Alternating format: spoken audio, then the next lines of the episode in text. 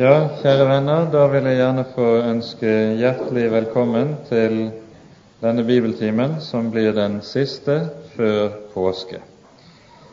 Det som eh, skal samle oss i dag, det er først og fremst eh, beretningen om kong Akas regjering, slik den er beskrevet både i annen kongebok, annen krønikebok og ikke minst også hos profeten Jesaja.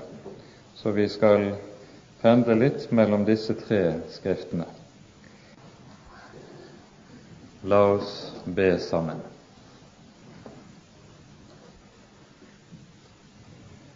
Ja, kjære Herre, du hellige og trofaste Gud. Vi takker og lover deg at vi skal få komme sammen på ny i ditt hellige navn og om ditt hellige ord. Takk, Herre, at vi skal få regne med at det er du selv som har satt oss stevne og ønsker å få oss i tale. Så takker vi deg, Herre, mest av alt, at du har gitt oss Jesus, for at han skal være vår ypperste prest og vår forsoner, ja, også vår forbeder i det høye, og at du har gitt oss den visshet at det Han ber om, vil du høre og svare. Så be for oss, O Krist. Kom til oss i vår nød. Kom til oss slik du ser vi behøver det med ditt ord, med ditt lys og med din sannhet, for at vi må lære å tro deg, at vi må få lov til å omvendes og fornyes hos deg. Det ber vi i ditt navn, Hellige Herre, og takker deg fordi du er god og fordi din miskunnhet varer til evig tid. Amen.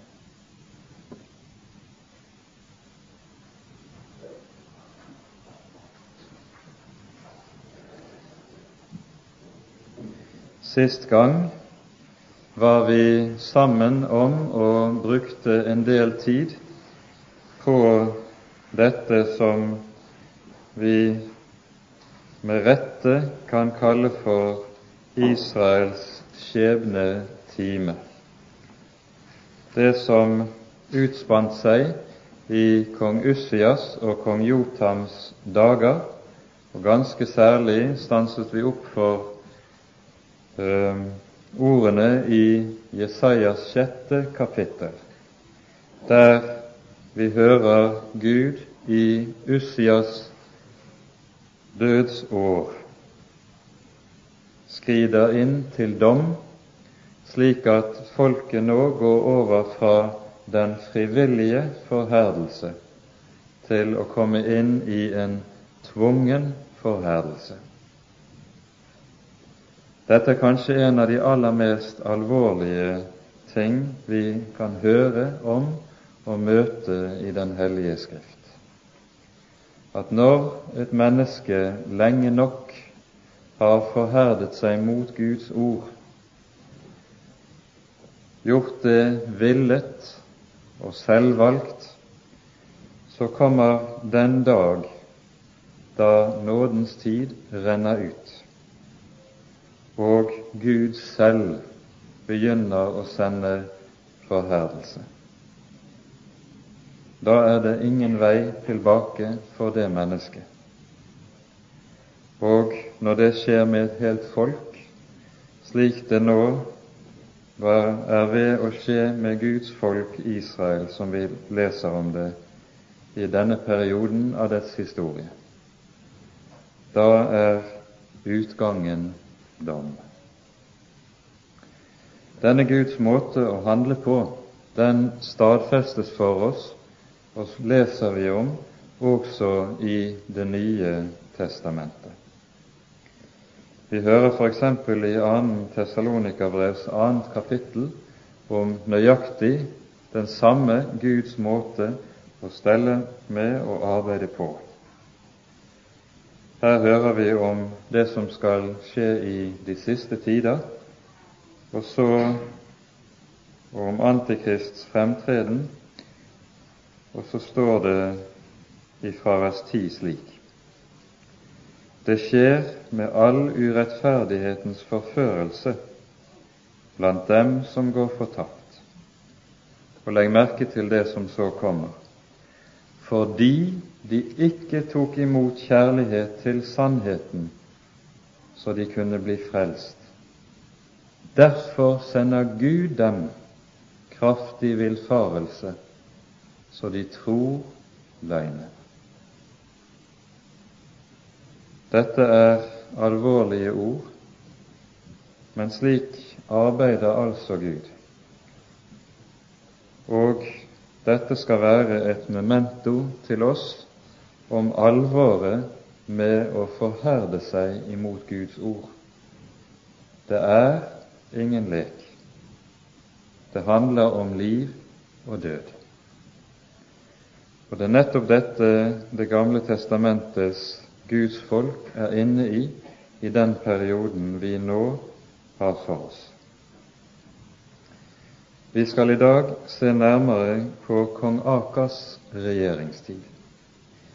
Og kong Akas blir den første konge som etter disse Guds domsord som vi leser om i Jesaja 6, som like som både anskueliggjør og legemliggjør denne Guds domsgjerning, slik at det like som males for våre øyne hvor konkret dette tar skikkelse i folkets liv. Det males for våre øyne i Akas person. Og Da leser vi fra annen kongeboks 16. kapittel.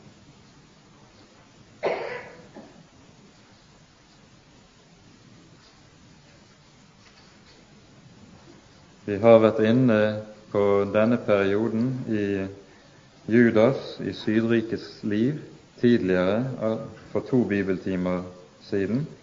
I dag skal vi se nærmere på dette. I Pekas, Remaljas sønn, 17. år, ble Akas, sønn av Judas konge Jotam, konge. Akas var 20 år gammel da han ble konge, og han regjerte 16 år i Jerusalem.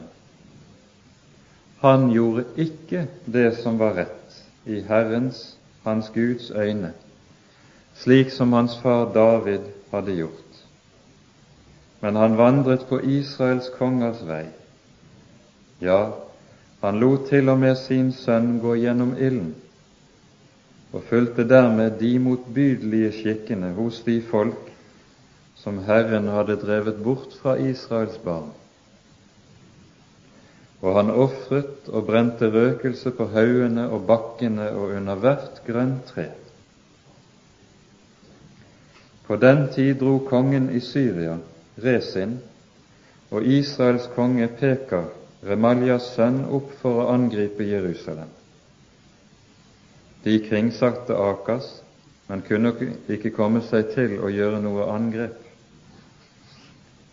Kongen i Syria, Resin, la på den tid Eilat til Syria. Han drev judeerne bort fra Eilat, og syrerne kom til Eilat og bosatte seg der, og bor der den dag i dag.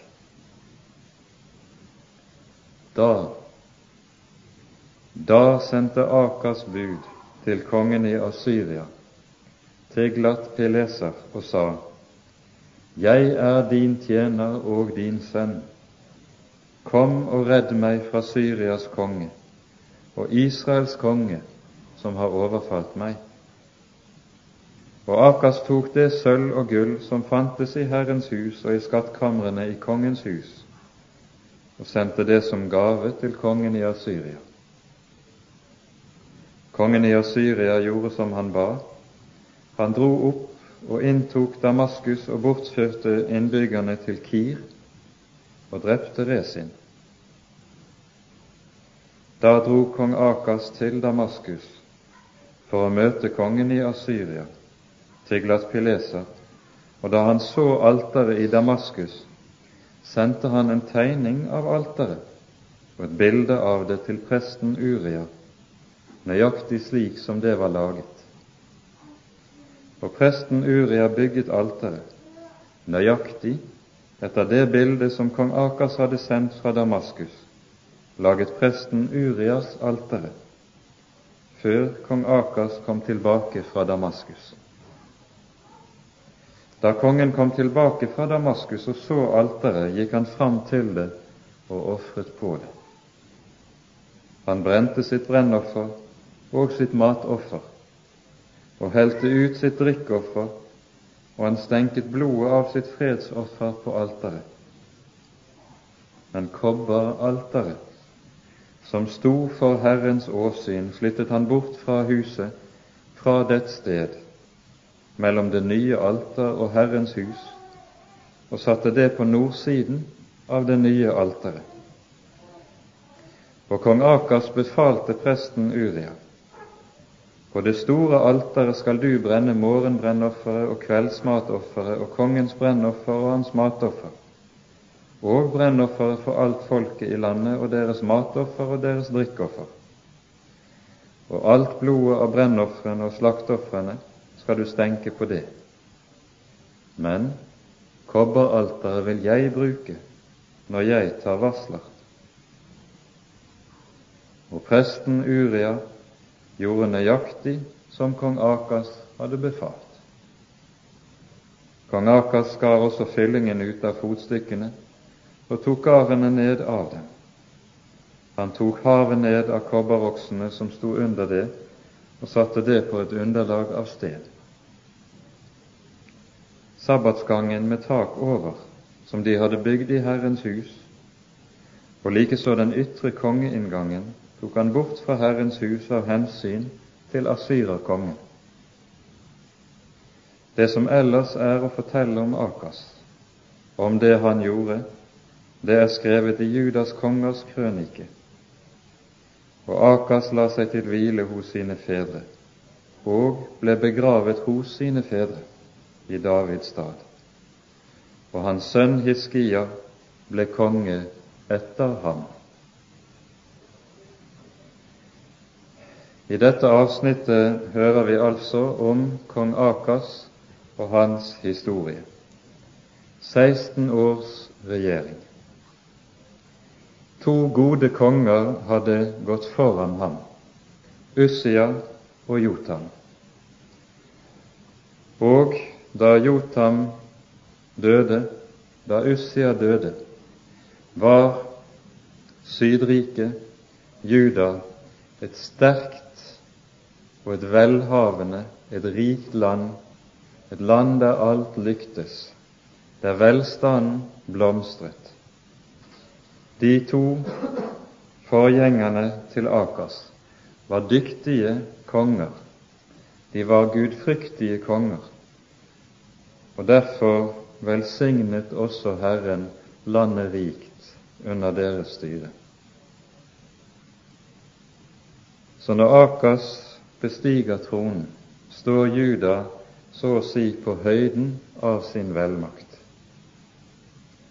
Når Akas dør, etterlater han landet som en ruin, både i bokstavelig forstand og i åndelig mening.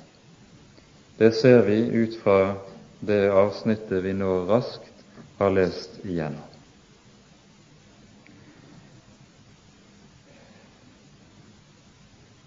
Med Akas begynner dommens tid, også i Sydriket. Og Dette henger sammen med den bemerkning som vi pekte på allerede forrige bibeltime, og som vi hører om i 2. Krønikerbok 27. kapittel når det gjelder Jotams regjeringstid. Jotam regjerte også 16 år og var en gudfryktig konge. Men det står etter at hans regjering har vært karakterisert som en god og gudfryktig regjering, så står det men folket fortsatte med å gjøre det som var ondt. Vi skjønner av dette at om kongene var gudfryktige, så var det en bevegelse i folket som gikk stadig lenger bort fra Herren, stadig dypere ut i synd og i frafall. Slik at når Akas går på tronen og innfører det radikale skiftet i offentlig religionsutøvelse som han gjør, så finner han rik grobunn for dette i folkedypet. Jordbunnen er vel forberedt, og derfor møter han knapt noen motstand i folket, i folkedypet, og vi hører også i presteskapet. Ingen motstand i det hele tatt.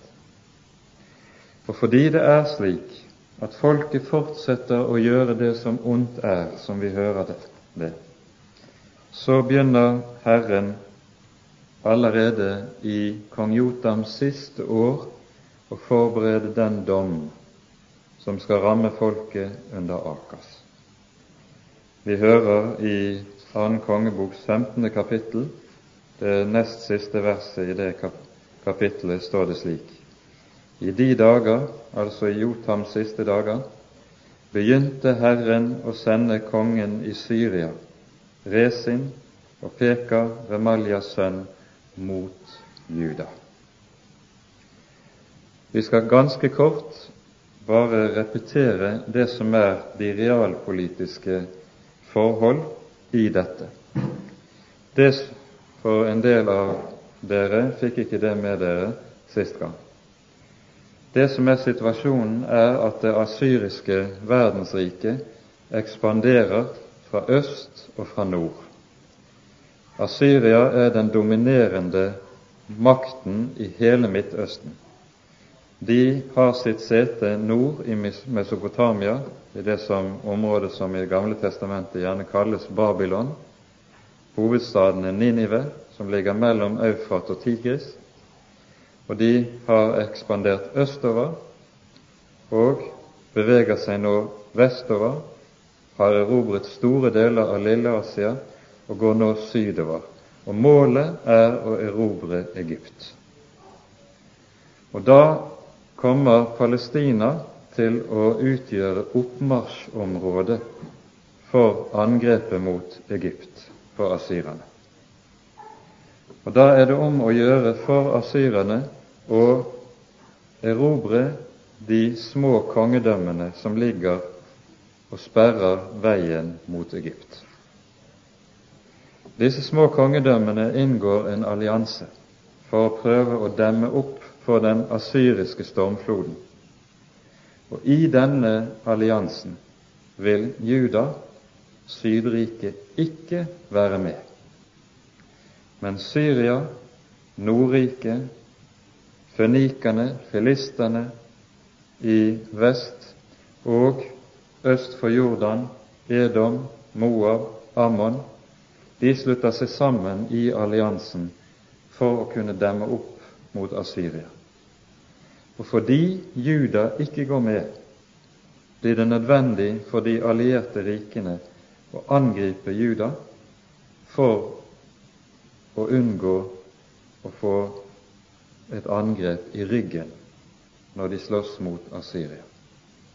Derfor dette felttoget mot Juda som vi hører om i Akas kongetid, og som blir helt ødeleggende for hans rike. Helt ødeleggende.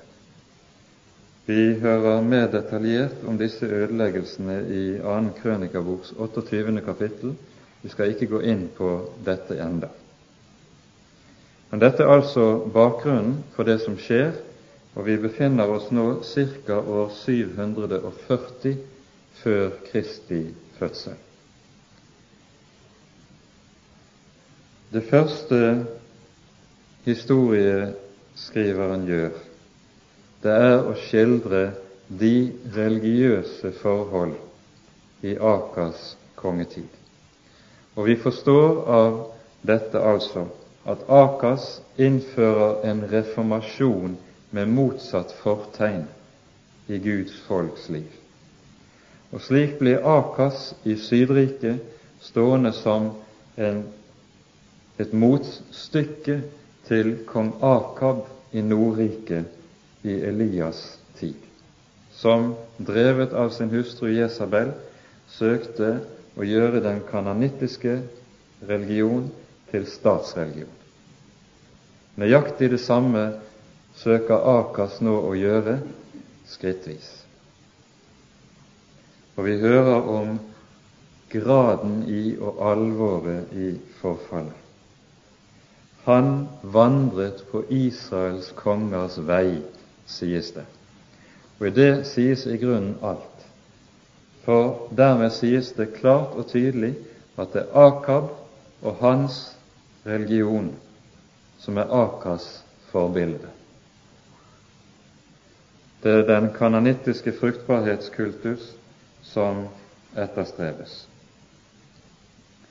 Og så hører vi om den største synd han gjør. Han lot til og med sin sønn gå gjennom ilden, og fulgte dermed de motbydelige skikker hos de folk som Herren hadde drevet bort fra Israels barn. En av de kanonittiske guder som ble dyrket i utstrakt grad i hele Midtøsten-området var guden Molok. Ildgud, krigsgud, var Molok. Og Molok krevde menneskeoffer. Det Akas gjør, er altså ikke bare å innføre menneskeofringene, men til og med ofra sitt eget barn. Noe slikt var uhørt i Guds folk ofrer ham i ilden, og hvilket sted dette skjer på, hører vi også om hos profetene. Hos Jeremias leser vi i det syvende kapittel slik, i det 31. verset.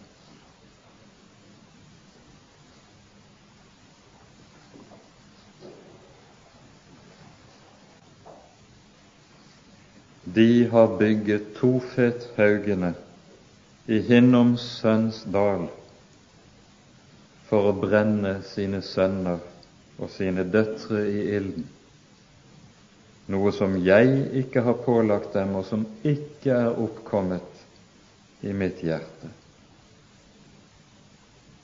Se, derfor skal dager komme, sier Herren, da en ikke mer skal si Tofet, eller Hinnoms sønnsdal, men drapsdalen. Og de skal begrave folk i Tofet, fordi det ikke er plass andre steder.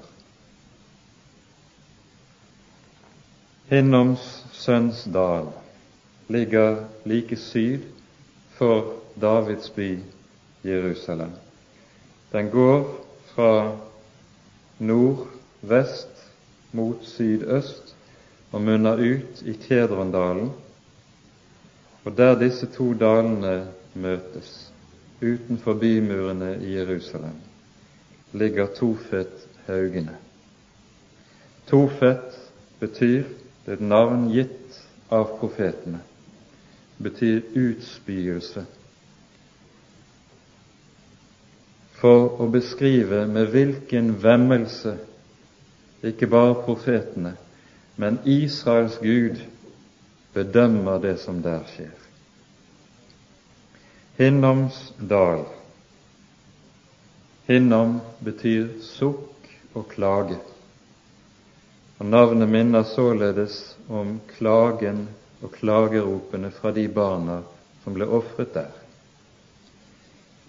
Den, dette heter på hebraisk ge-hinnom som på i Det nye testamentet gjengis med Gehenna og oversettes hos oss med helvete. Dette navnet er bakgrunnen for Det nye testamentets bilde av helvete. Men dette er realiteten i det som skjedde der. De ofret sine barn, ofret dem til Molok, ofret dem til fruktbarhetsgudene som skulle gi velstand og fremgang. Og så svært ulik vår egen tid er denne tid dermed ikke.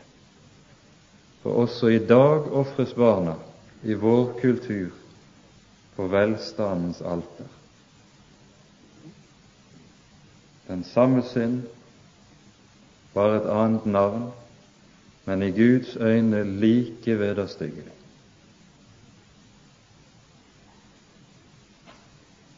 Og han ofret og brente røkelse på haugene og bakkene og under hvert grønt tre. Og så beskrives den dom som så kommer veltende, med de to konger som nå har sluttet seg sammen. Det nevnes bare to av dem her. I annen krønikabok hører vi om det som de andre som slutter opp omkring denne alliansen. Og dermed går vi inn i profeten Jesajas beskrivelse av og bedømmelse av det som skjer i denne tid. Og La oss først gå til Jesajas første kapittel. For i det første kapittelet hos Jesaja så finner du like som at profeten i én sum samler alt det som er karakteristisk for denne tid, og som så følger på og brettes ut for oss i de påfølgende kapitlene. Vi begynner i det første kapittelet, i det første vers, der Jesaja tidfester nøyaktig sitt virke. Dette er de syner som Jesaja, sønner av Amos, så om Juda og Jerusalem i de dager da Ussia, Jotam, Akas og Hiskia var konger i Juda. Hør, dere himler, og lytt til du jord, for Herren taler. Barn har jeg oppfødd og fostret, men de er falt fra meg. En okse kjenner sin eiermann, og et esel sin herres krybbe, men Israel kjenner intet. Mitt folk forstår intet. Ved det syndige folk, et folk med tung misgjerning, etlinger av ugjerningsmenn, vanartede barn. De har forlatt Herren, de har foraktet Israels hellige og er veket fra ham. I disse tre versene gir Jesajas oss hele situasjonen i et kort nøtteskall. Og det profeten gjør, det er at han går tilbake til Mosebøkene, og likesom setter Guds folk i den situasjon han er sammen med dem i, opp imot det som er tegnet i Mosebøkene. Hør, dere himler, og lytt til du jord. Slik innleder nemlig Moses sin avskjedssang i 5. Moseboks 32. kapittel. Vi taler av og til om himmelropende sinn. Og det Moses gjør, det er at han likesom vil ta himmel og jord til vitne på sine ord. For himmel og jord står der og ble skapt for menneskets og for Guds folks skyld. Og nå er, skal de være vitner. Vitner for Herren, vitner mot det frafalne folk. Barn har jeg oppfødd og fostret, men de er falt fra meg. Sannelig har han oppfødd dem. Intet har de manglet. Har han vært en dårlig far, en ond Gud, som ikke har unnet dem noe godt? Tvert om. Rikelig har han velsignet folket. Med godhet har han hegnet om dem alle den gamle tids dager. Og dog, de falt fra ham. En okse kjenner sin eiermann, et esel sin herres krybbe. Men mitt folk kjenner intet.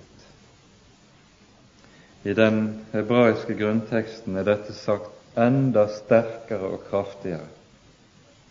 Det står ikke at 'mitt folk kjenner intet', men det står at det å kjenne kan overhodet ikke tilskrives dette folk. Det er sagt i en så absolutt forstand som det kan gjøres i hebraisk språk. Og når profeten så fortsetter i det fjerde verset ved det syndige folk, så står dette i motsetning til det som sies om folket når de er samlet for Guds ansikt foran Sinai. Du skal være et hellig folk for Herren din Gud. Men nå, ved du syndige folk, et folk med tung misgjerning, ikke etlinger av hellige, men av ugjerningsmenn. Og når profeten så går videre, beskriver han Guds dyrkelsen hvorledes den har artet seg under de gudfryktige konger, Ussia og Jotam. Vi leser fra vers 11. Hva skal jeg med alle deres slaktoffer? Sier Herren. Jeg er mett av brennoffer av værer, av fett fra gjøkalver når dere kommer for å vise dere for mitt ansikt, hvem har da krevet at dere skal tråkke ned mine tempel forgårder? Kom ikke mer fram med unyttig matoffer. Det er en motbydelig røkelse for meg. Nymåne og sabbat, festforsamling, jeg tåler ikke høytid og urett sammen deres nymåner og fester, min sjel hater dem. De er blitt en byrde for meg, jeg er trett av å bære dem. Og når dere brer ut hendene, skjuler jeg mine øyne for dere. Hvor mye dere så ber, hører jeg ikke, for deres hender er fulle av blod. Vi forstår at i denne tid manglet det ikke på gudsdyrkelse. Det manglet ikke på religiøst engasjement. Folk søkte til Guds hus, ja, sågar i store mengder, og ofte kanskje òg. Men denne Guds styrkelse og Guds tjeneste hadde det samme kjennetegn som alltid har kjennetegnet hedenskapet, nemlig at man kan dyrke Gud uten å leve et liv i omvendelse. Religiøsitet uten omvendelse er et av hedenskapets fremste kjennetegn. Avgudene lar deg gjerne leve i synd. Dyrk dem, og dyrk dem flittig, for du kan likevel leve som du lyster. Men Israels Gud, han tåler ikke slik gudstjeneste. Å søke Guds hus uten omvendelse. er i profetens øyne Guds bespottelse. Profeten Malakia sier senere inn i en tilsvarende situasjon Gi dere ville stenge dørene til mitt tempel. Jeg vil ikke høre på slike bønner, slike sanger. Det er larm i mine ører.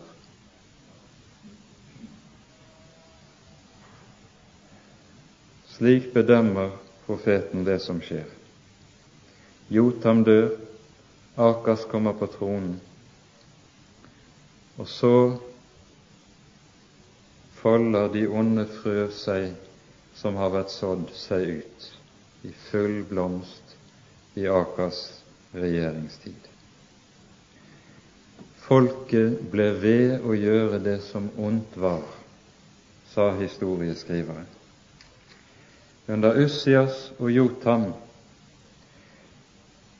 levet folket i velstand, i lykke og i rikdom.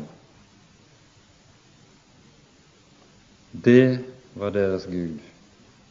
De kananittiske avgudene var kun hjelpemidler som skulle hjelpe dem til å nå det de traktet etter. Israel var rikt, landet var vellykket, det var velstand på alle bauger og kanter. Og så kom folket til å ta sin tilflukt til, stole på og ha sitt mål i denne ytre rikdom og herlighet. Hvorpå Herren i de påfølgende kapitler, og det er tema i kapittel 2 til kapittel 4 hos Isaias. Herren dømmer den falske herlighet i folket ved å ta den fra dem, for at de i sin nød og i sin fattigdom kanskje skal komme til å se hva som er den sanne herlighet, hva som virkelig er til å lite på og bygge på. For Akas hadde et hus han bygget på sanden. Vi leser i det annet kapittel fra det sjette verset om dette som nå ligger foran. Du har forkastet ditt folk, Jakobs hus, fordi de er fulle av Østerlands kunster og spår av skyene som filistrene, og gir håndslag til fremmede. Deres land blir fullt av sølv og gull, og det er ingen ende på rikdommene. Landet ble fullt av hester og vogner, det er ingen ende på dem. Deres land ble fullt av avguder, de tilber sine henders verk, det deres fingre har laget. Og så kommer det, og mennesket blir bøyet, og mannen ydmyket. Tilgi dem ikke. Gå inn i fjellene og gjem deg i støvet for Herrens gru og for Hans høyhets herlighet. Menneskets stolte øyne blir ydmyket. Mennes stolthet blir bøyet, og Herren alene blir høy på den dag for Herren herskarenes Gud har satt en dag til dom over alt stolt og alt som er høyt over alt opphøyet, så det blir ydmyket. Over hvert høyt tårn, vi leser fra vers 15, over hver fast mur, over alle Tarsis skip, over alle lystbåter, og menneskets overmot blir bøyet, og mennets stolthet blir ydmyket, og Herren alene er høy på den dag. Vi hopper til vers 20. På den dag skal menneskene kaste sine guder av sølv og gull som de har laget for å tilbe dem bort til muldvarpene og flaggermusene. De skal gå inn i fjellkløften og i berghulene for Herrens gru og for Hans høyhets herlighet, når Han reiser seg for å forferde jorden. Hold da opp med å stole på mennesket, som bare har et pust i sin nese. Hva er han å akte for? Og nettopp det vi her har lest nå, er det som begynner å skje i Akers tid. Ved at de to konger, Israel og Syria, sendes mot Juda, begynner Herren å bøye mannens overmot. Fratar folket dets rikdom og alt dets herlighet. Så folket, når Akas er borte, står på bar bakke. Og på bar bakke må de på ny begynne å lære hva det er å tro. Å tro på Israels hellige og ikke ha noe annet å støtte seg til og lite på.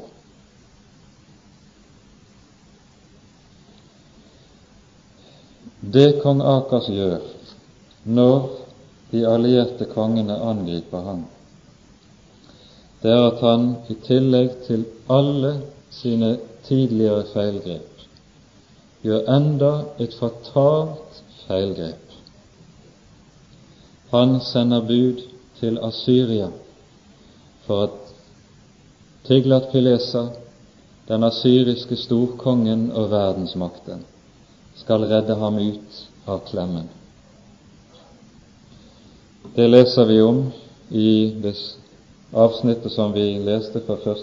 kongebok 16, og vi hører om det også hos Jesaja. Vi var inne på dette i det syvende kapittel hos Jesaja.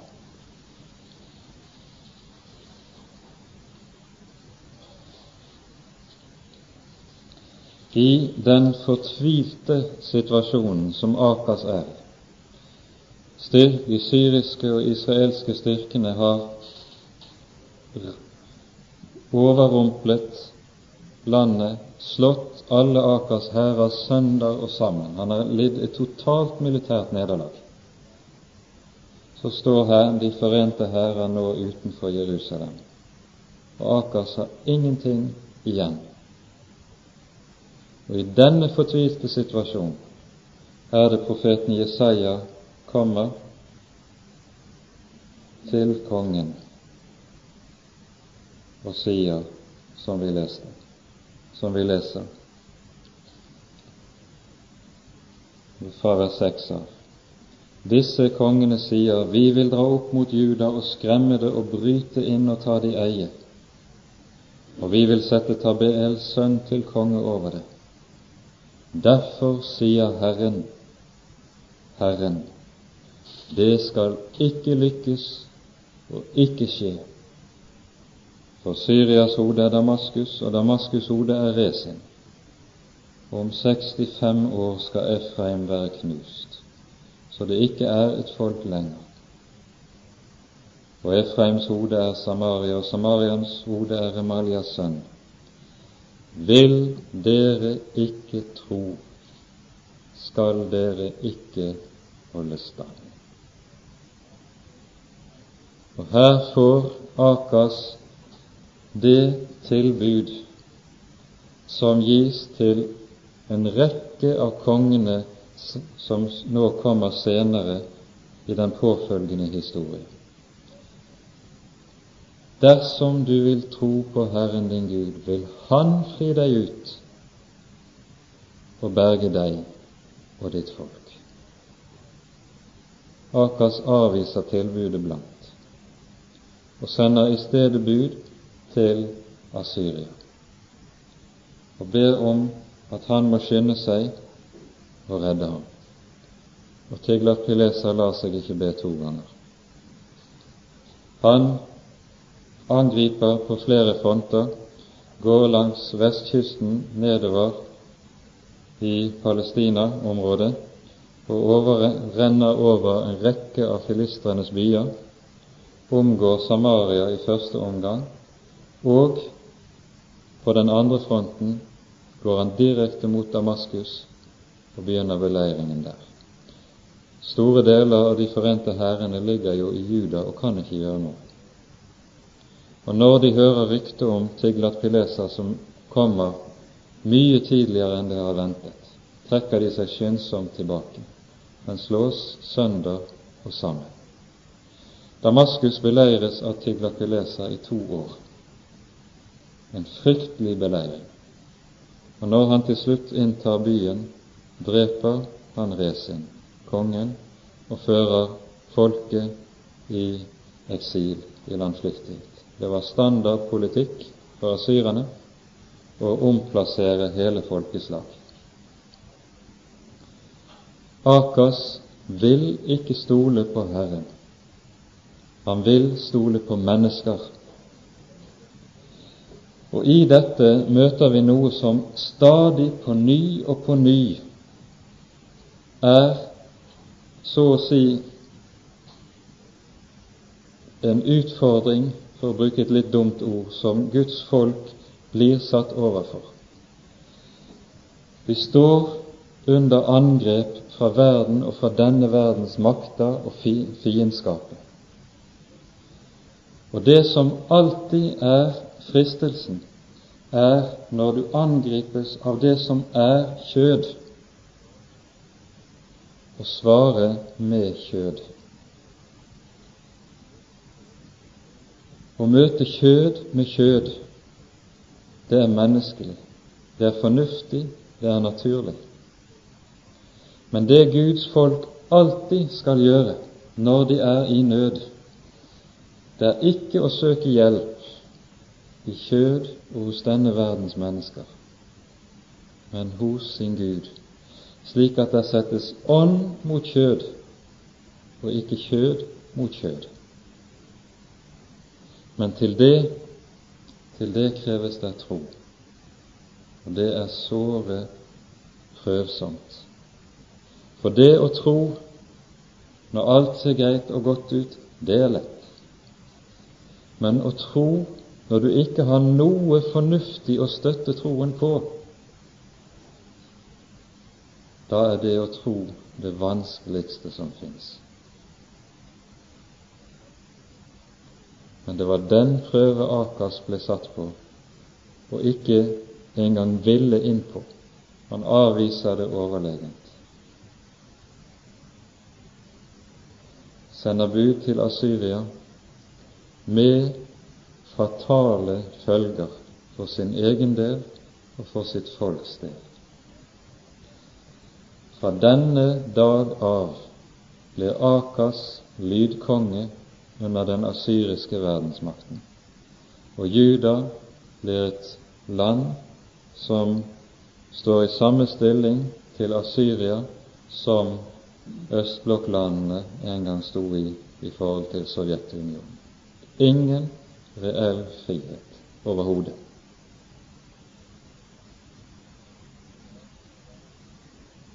Den tvang og det fangenskap som de dermed kommer inn i, er uhyre hår.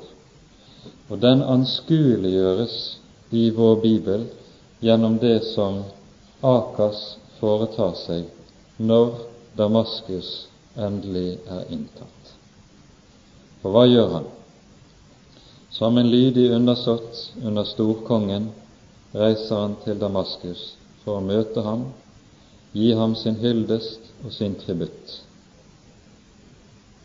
Og Der ser han alteret som den asyriske storkongen ofrer på, og tenker som hedningene alltid tenker.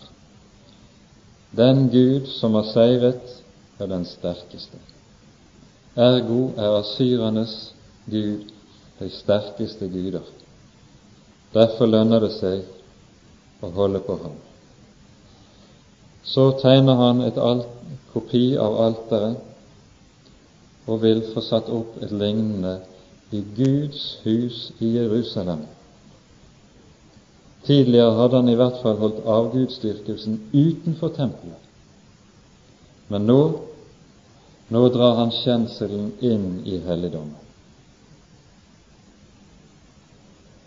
Ypperstepresten Urias er av et ganske annet kaliber enn han som var ypperste prest da Ussias satt på tronen. Da vil vi huske at når Ussias gikk inn i helligdommen og ville tilta seg et kall og en tjeneste som ikke tilkom ham, da trådte ypperste presten opp sammen med en del andre prester mot kongen og sa:" Dette er deg ikke tillatt. Gå ut, for dette tjener deg ikke til ære i Guds øyne. Og slik ville de stanse kongen i hans forehavende. Men nå, nå er Urias ypperste prest, og han er kongens lydige redskap. Og vi kan kanskje minnes noen ord som ble sagt av en tidligere kirkeminister i vårt eget land, som dessverre sannes altfor ofte oppover gjennom Kirkens historie. Kongen gikk foran, Kirken kom efter. Når Guds kirke og de som er satt til ledere i Hans menighet på jord, er servile tjenere for statsmakten, er det alltid til ulykke for Guds folk.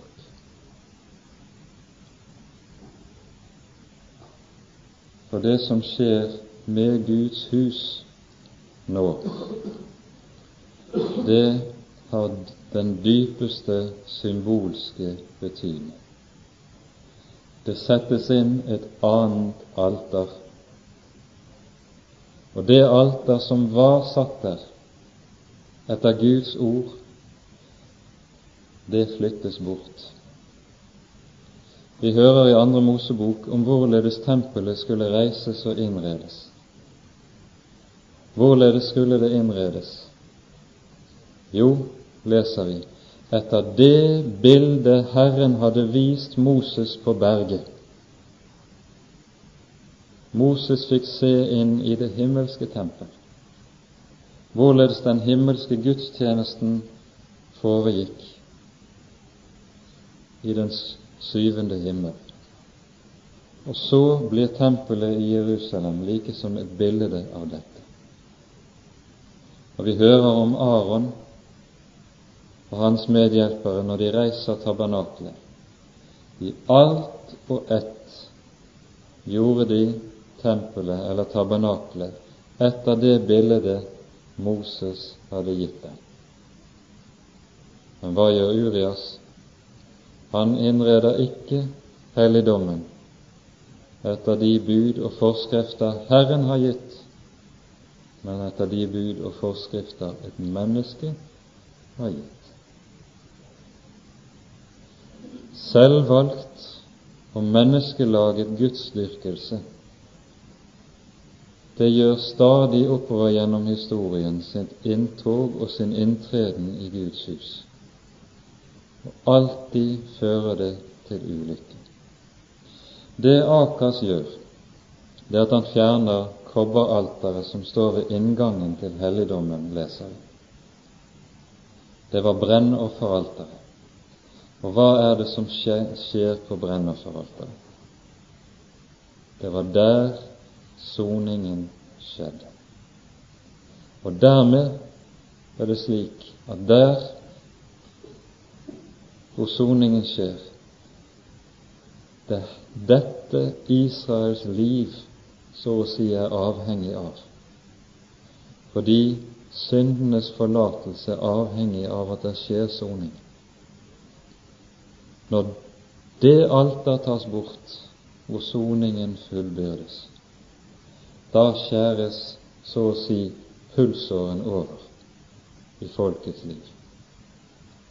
Dette gjør Akas i sin store, store uforstand. Det ble et annet alter som var reist i helligdommen. Og kanskje er det bare ordene i den 74. salmen som saksvarende kan beskrive det som skjer med Akas.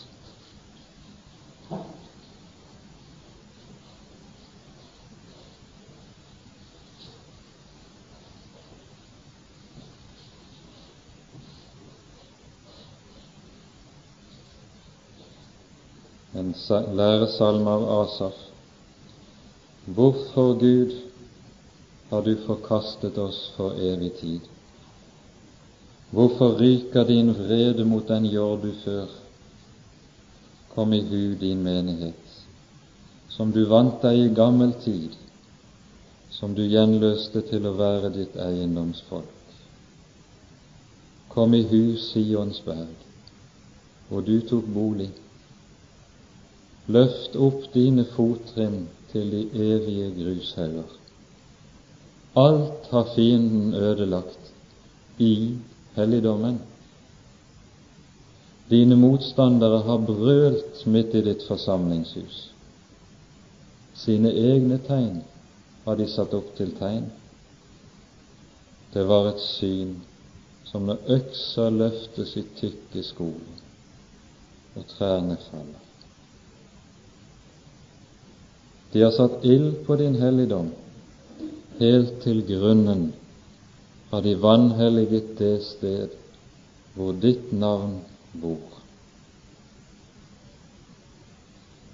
Dette er situasjonen i Akas tid, og det er en ødeleggelse som når like inn i hjertet av Guds folks liv. Og vi skal merke oss i dette det som er den bibelske det bibelske historiesynet, og som står så i så skarp kontrast og motsetning til det historiesyn som vi er blitt vant til og oppflasket med. Vi er jo vant til å det som gjerne kalles for det materialistiske historiesyn, nemlig at det er de ytre forhold de økonomiske forhold og ikke minst politiske, som bestemmer og er avgjørende i historien, og også øver sin innflytelse og former det religiøse liv. Det vil si, slik man har lært hos Marx, økonomi er årsak, religion er bare følge og speilbilde av de politiske og samfunnsmessige forhold. I Bibelen er det stikk motsatt. Der er det det som skjer på det religiøse området, i folkets liv med Gud. Det er det som bestemmer historien, og ligger der som en understrøm og avgjør hva som kommer til å skje på det ytre området, det være seg i de økonomiske eller politiske forhold, som avgjør historien folkene imellom. Der er det du har så å si historiens motor som ligger under og driver alt. Og Derfor er det også slik som vi ser det når vi leser de historiske bøkene i vår bibel, at når en konges virke skal beskrives, så beskrives alltid først hvorledes han stelte seg i sitt gudsforhold, deretter hvorledes han la an de politiske forhold og hva som skjedde på det området. Og Det er ikke tilfeldig, men angir nettopp for oss hvorledes Bibelen tenker om historien og det som driver historien fremover.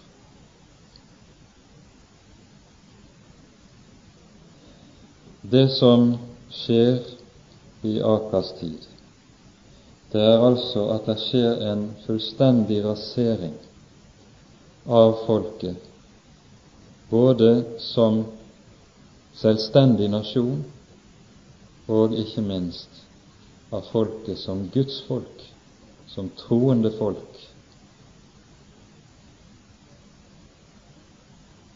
Og Akas etterlater seg en ruin når han dør, i enhver forstand av ordet. Folket er i trelldom under asyrene og har bare navn av å være selvstendige. Det er det ikke i realiteten. Når Sønnen Hiskia så kommer på tronen, er det vel knapt noen konge som har hatt et vanskeligere oppdrag å gå til enn han. Og under over alle under. Med Hiskia som nå kommer etter, møter vi en av de beste kongene i Det gamle testamentets historie. En som så å si snur helt opp ned på alt det Akas har bevirket i sin ulykkelige regjering. Han har ingenting å stille opp med mot asyrerne. Og likevel, han bryter med dem og pådrar seg ganske naturlig det asyriske verdensrikes vrede. Hva gjør Hiskia da? Han gjør det Akas ikke gjorde.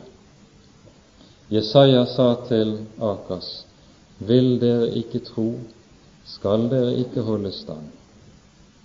De holdt ikke stand, de ble lydrike under Syria. Det Hiskia gjør, det er at han uten noe annet å støtte seg til, vender seg til Herren sin Gud. Og så blir det slik som en har sagt det. Hans tro blir hans politikk. Hans tro blir det som bærer hele hans regjering. Og så, bak de mørke skyer som Akers dro inn over landet, begynner det på ny å komme glimt av sol. Det blir tema for den neste timen, og det er tydelig i det som skjer i det den nye kongen kommer på tronen, det er at han begynner å måtte se inn i hva som er Guds folks sanne tilflukt, sanne rikdom, sanne herlighet. Vi leser om det hos Jesaja i det fjerde kapittel etter at profeten gjennom hele tredje kapittel har fortalt om hvorledes Herren skal ta bort og ødelegge alt,